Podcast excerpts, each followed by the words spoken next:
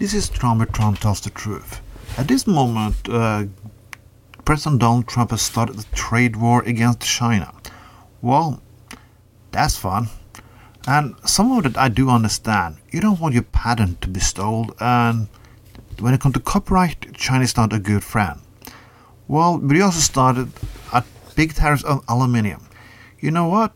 That is also what Norway producing. So my question is, what the fuck have we done to you? When did Norway, with the 5 million citizens, become a threat to the American economy? And when did we untreat fair against unfair against you? It, oh, every time it comes a new American prime minister, no, no, sorry, new Norwegian prime minister on, we have to go to visit the United States and we have to kiss ass, every single one. Criticizing the United States is something politicians in Norway are very, very afraid of doing because they know it get consequences. We have forever kissed your ass. So why are you punishing us now? Why are you putting on extra tariffs on our aluminium? Well, I'm going to tell you what it is. It's not because you've been treating unfair. It's because we are better. We're doing it much better than you.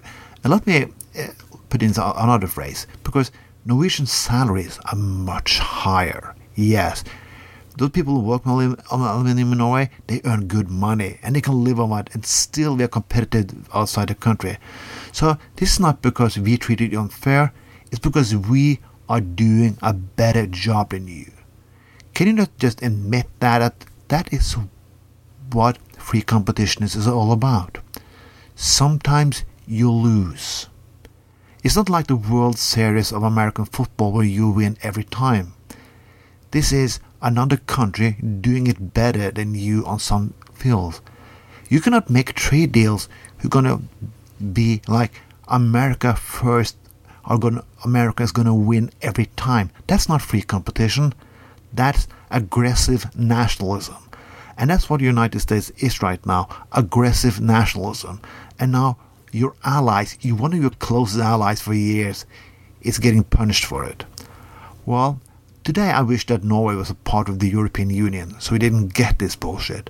And maybe it's the time that we stand again with our European friends because if you're going to think you're going to divide us, no, you're not. You're just going to make a European stand out closer together and tell you all in the White House, they're going to kiss your fucking ass. This is Tron, where Tron tells the truth. Have a nice day.